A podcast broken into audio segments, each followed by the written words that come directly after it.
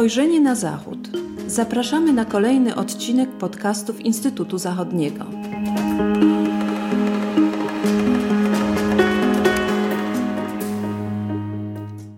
Dzień dobry, z tej strony Patrycja Teper. Witam Państwa w kolejnym odcinku podcastów Instytutu Zachodniego.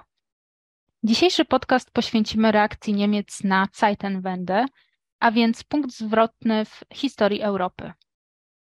Kanclerz Olaf Scholz rok temu mówił: 24 lutego 2022 roku to punkt zwrotny w historii naszego kontynentu.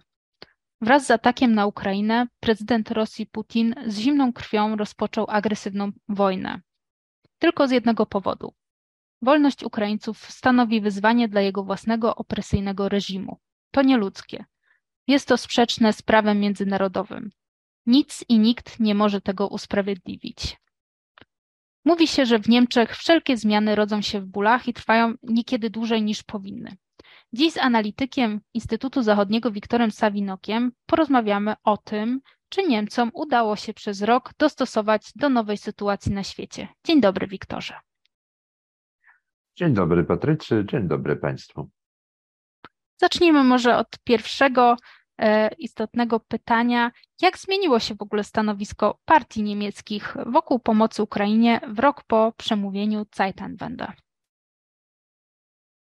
Widzimy, że zmiana tego stanowiska nastąpiła najpierw w kwestiach dotyczących przekazania e, broni Ukrainie, ponieważ e, mamy teraz do czynienia z takim nieformalnym konsensusem wśród e, partii, można powiedzieć, że takiego demokratycznego centrum e, niemieckiego e, środowiska politycznego w sprawie wsparcia Ukrainy generalnie i też w sprawie przekazania broni Ukrainie. I to dotyczy zarówno partii koalicyjnych, E, czyli socjaldemokratów, e, wolnych demokratów i zielonych, jak i opozycyjnej Hadecji.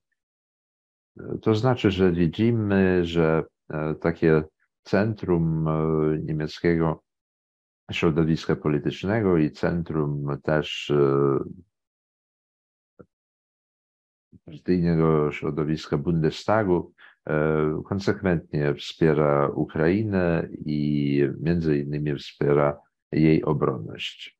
E, jeżeli chodzi o e, właśnie tym, jak się zmieniło stanowisko poszczególnych partii, to można powiedzieć, że najbardziej istotna zmiana nastąpiła chyba w środowisku niemieckich socjaldemokratów, ponieważ w ciągu te, tego czasu przed e, wybuchem e, szerokiego e, rosyjskiego najazdu na Ukrainę odrzucali możliwość przekazania Ukrainie jakichkolwiek uzbrojeń i właśnie robili akcent na tym, że jest potrzeba na E, uregulowanie wszystkich pytań pomiędzy Rosją a Ukrainą w sposób polityczno-dyplomatyczny. E, mniej więcej podobno, podobne stanowisko zajmowały też e, Zieloni i Wolni Demokraci przed wybuchem wojny, ale w środowisku tych partii trwały dyskusje na temat tego, a czy w końcu nie można przekazać Ukrainie tych e, broni do tego, by mogła ona wzmocnić e, swoje obronności. Ale jak wiadomo, e, te broni zostały przekazane dopiero po wybuchu szerokiej wojny. I w tym przypadku mamy do czynienia z ewolucją stanowiska zarówno partii koalicyjnych w kwestiach przekazania broni jak i z ewolucją stanowiska samego kanclerza Scholza w tej kwestii, ponieważ e, kanclerz Scholz e, odgrywa niezwykle ważną e, rolę w decyzjach o przekazaniu broni do Ukrainy, gdyż jest kluczowym decydentem w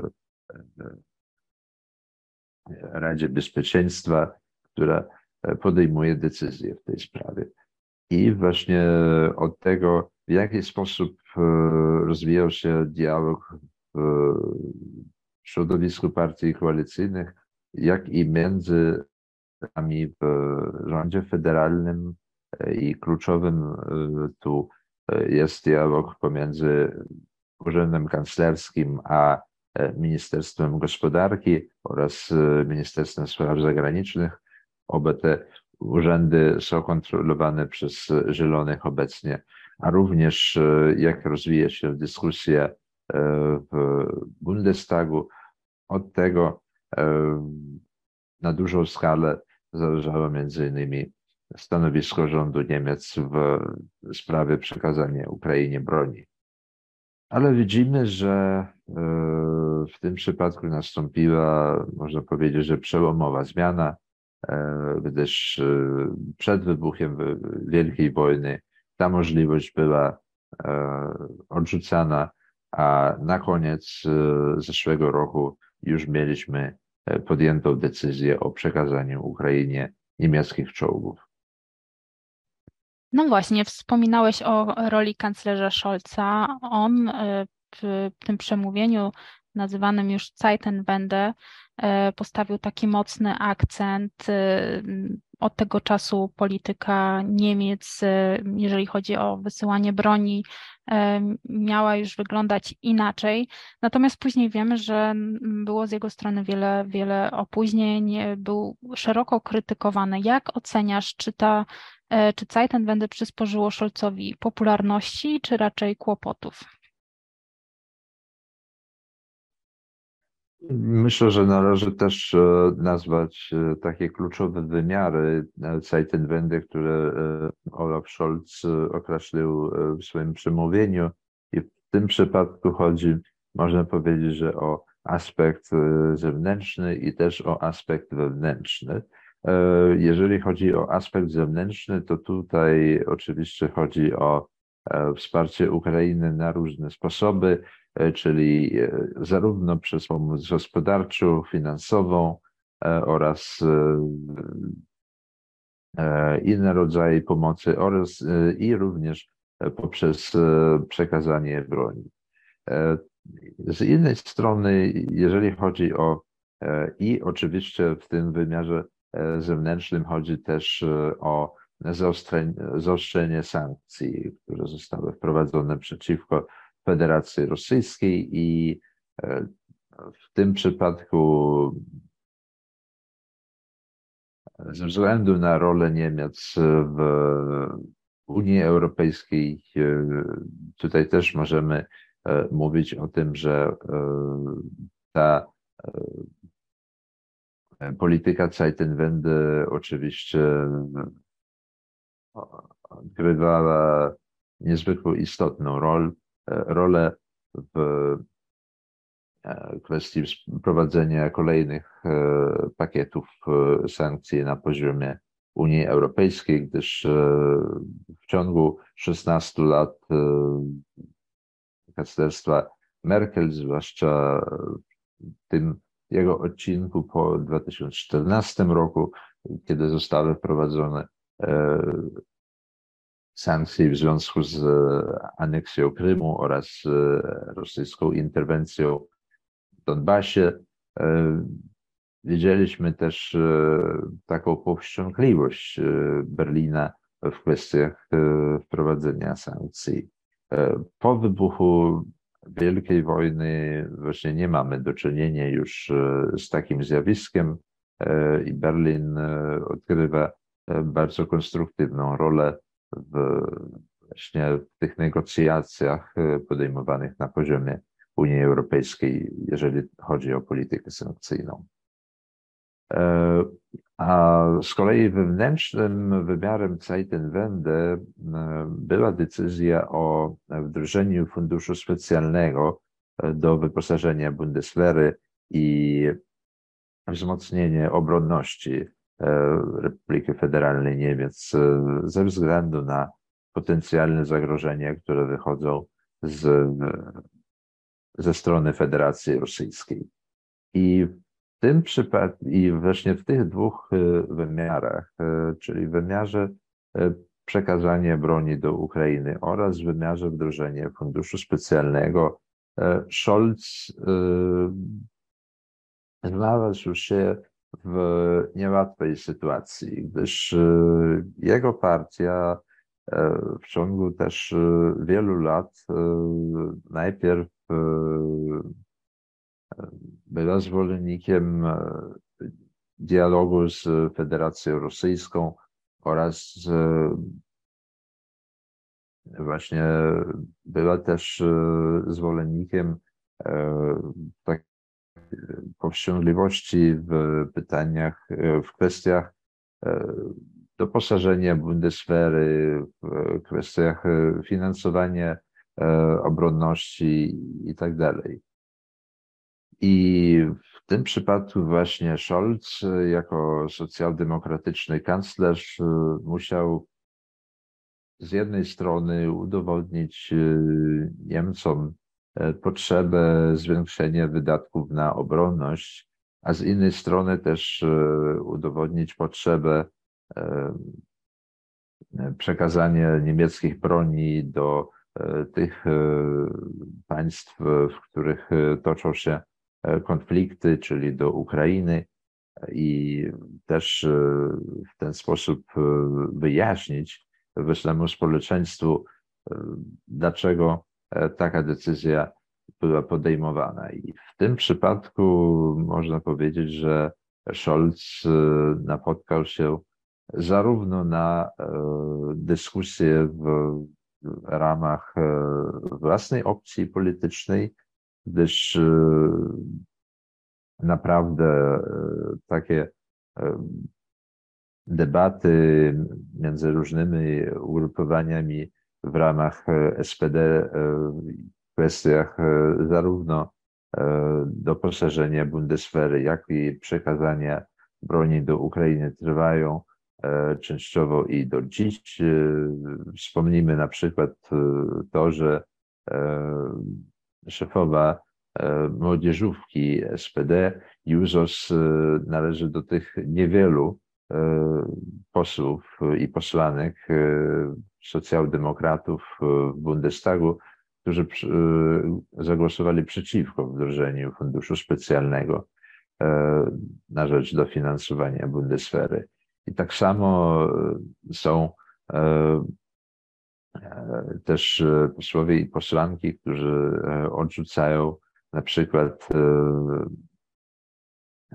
przekazanie broni do Ukrainy, czy przekazanie kolejnych systemów Ukrainy. To znaczy, że Scholz musiał e, z jednej strony wyjaśniać e, swoje decyzje e, w ramach swojej opcji politycznej i też wyjaśniać te decyzje dla szerokiego społeczeństwa, które też można powiedzieć, że było w tej kwestii podzielone, gdyż z jednej strony na przykład e, zwolennicy e, wolnych demokratów e, i zielonych popierali nawet bardziej szerokie poparcie dla, wsparcie dla Ukrainy, jeżeli chodzi o pomoc militarną. Z jednej strony i tak samo też wyborcy Hadecji częściowo też i wyborcy SPD, a z innej strony na przykład wyborcy Alternatywy dla Niemiec i Die Linke e, odrzucali tą e, możliwość e, i też występowali za wszczęcie rozmów pokojowych pomiędzy Ukrainą a Rosją. I w tym przypadku Scholz musiał wyjaśniać też te decyzje i dla swojego własnego społeczeństwa, E, przy tym e, należy też wspomnieć, że e, na przykład niedawna debata w sprawie przekazania stronie ukraińskiej zarówno bojowych wozów piechoty typu Marder, jak i w końcu niemieckich czołgów. Ona w myślę, że bardzo jasny sposób dała do zrozumienia, że kluczowym w podjęciu tych decyzji dla Olafa Scholza czynnikiem był czynnik międzynarodowy i zwłaszcza w tym przypadku pozycja Stanów Zjednoczonych. Mhm. No rozumiem, czyli kanclerz musi być jednak kanclerzem wszystkich Niemców i brać e, różne głosy pod, pod uwagę. Wiktor, a co z perspektywy roku możemy ocenić jako sukces Zeitenwende? Czy Niemcy zaczęli myśleć inaczej o bezpieczeństwie narodowym? Czy moim zdaniem w, po części również zabrakło E, wracając jeszcze do tematu Scholza, takiego jasnego przekazu dla społeczeństwa w tej sprawie, e, ale może się mylę. E, tak, i wielu ekspertów na to zwraca uwagę, że właśnie rząd jako całość i zwłaszcza kanclerz Scholz mieli do czynienia też z problemami wyjaśnienia E, własnego stanowiska w sprawie przekazania broni i w sprawie w ogóle wdrożenia tej polityki Zeitenwende. E, gdyż na przykład też e, myślę, że poważne problemy komunikacyjne były też i w sprawie wdrożenia funduszu specjalnego, czyli, czyli Sondervermögen. I w tym i w tych przypadkach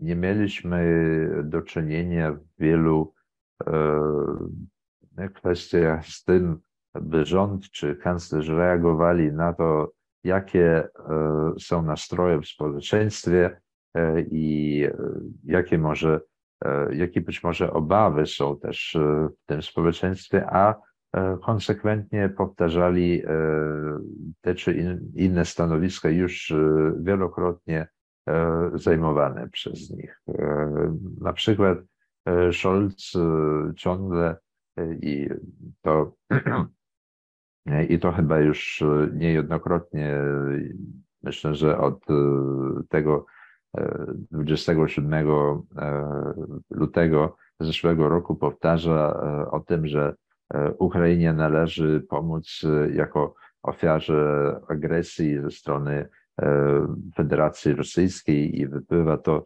też z e, Hartii e, Organizacji Narodów Zjednoczonych. Oczywiście jest to prawidłowy argument i można z tym jak najbardziej się zgodzić, ale niemieckie społeczeństwo mimo wszystko jest też właśnie podzielone w tym, w jaki sposób należy właśnie postrzegać y, w tym przypadku Federację Rosyjską. Gdyż e, z jednej strony rzeczywiście Federacja Rosyjska jest y, agresorem, ale z innej strony w niemieckim społeczeństwie z całego szeregu przyczyn są z jednej strony obawy, przed Federacją Rosyjską ze względów historycznych. E, z jednej strony są też e, obawy przed Federacją Rosyjską jako państwem, które posiada broni nuklearne. I w tym przypadku Scholz nie reagował właśnie na te obawy albo właśnie wypływające z doświadczeń historycznych, albo też e, związane z tym, że Rosja e, jest państwem nuklearnym i e, społeczeństwo właśnie w ten sposób też negatywnie ocenia teraz to czy inaczej, jeżeli powiedzieć inaczej, to sformułuję, e, że społeczeństwo też, część społeczeństwa też e, negatywnie ocenia to, w jaki sposób kanclerz wyjaśnia swoje stanowisko i to odbije się też na e, sympatiach do kanclerza Scholza i do jego opcji politycznej, gdyż widzimy, że zaufanie do socjaldemokratów w chwili obecnej spadło do 18-19%. No, zgodnie z wynikami badań socjologicznych i socjaldemokraci są w chwili obecnej w tych rankingach na trzecim miejscu, chociaż jeszcze we wrześniu 2021 roku wygrali wybory z dużo lepszym wynikiem. Jeżeli chodzi o e, bezpieczeństwo narodowym, to możemy powiedzieć też, e, że e, ta zmiana w postrzeganiu kwestii bezpieczeństwa narodowego powoli następuje, chociaż ponieważ trwają prace na przykład nad strategią bezpieczeństwa narodowego, chociaż też e, wiele można dyskutować e, nad tym, e, w jaki sposób są te prace ukształtowane, gdyż czołowym resortem, który odpowiada za przygotowanie tego dokumentu, jest Ministerstwo Spraw Zagranicznych, a nie Ministerstwo Obrony Narodowej, chociaż mają niby między sobą te dwa resorty współpracować, ale jak e, pokazało doświadczenie, e, chyba ta współpraca odbywa się niestety nie najlepiej i właśnie strategia bezpieczeństwa narodowego miała być przygotowana jeszcze w listopadzie zeszłego roku. Teraz według najnowszych informacji ma być zaprezentowana w połowie marca. Czyli Oczywiście te dyskusje trwają, te prace też trwają nad e, tym dokumentem, e, ale e, niestety ten postęp chyba jest nieco wolniejszy od tego, który na przykład chcielibyśmy, czy oczekiwalibyśmy tutaj w Polsce, czy w regionie Europy Środkowo-Wschodniej. Podobnie jest chyba z celem e, zobowiązań wobec NATO, który również e, Scholz w przemówieniu Zeitenwende mm, obiecywał przekraczać 2% PKB na wydatki związane z obronnością.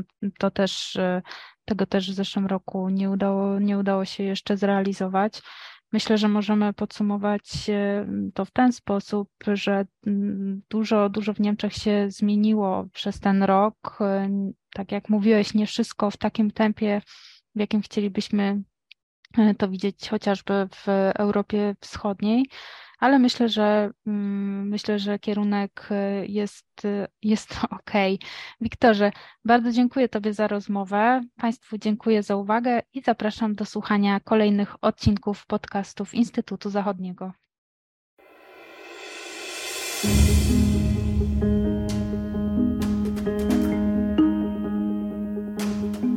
Spojrzenie na Zachód. Podcasty Instytutu Zachodniego.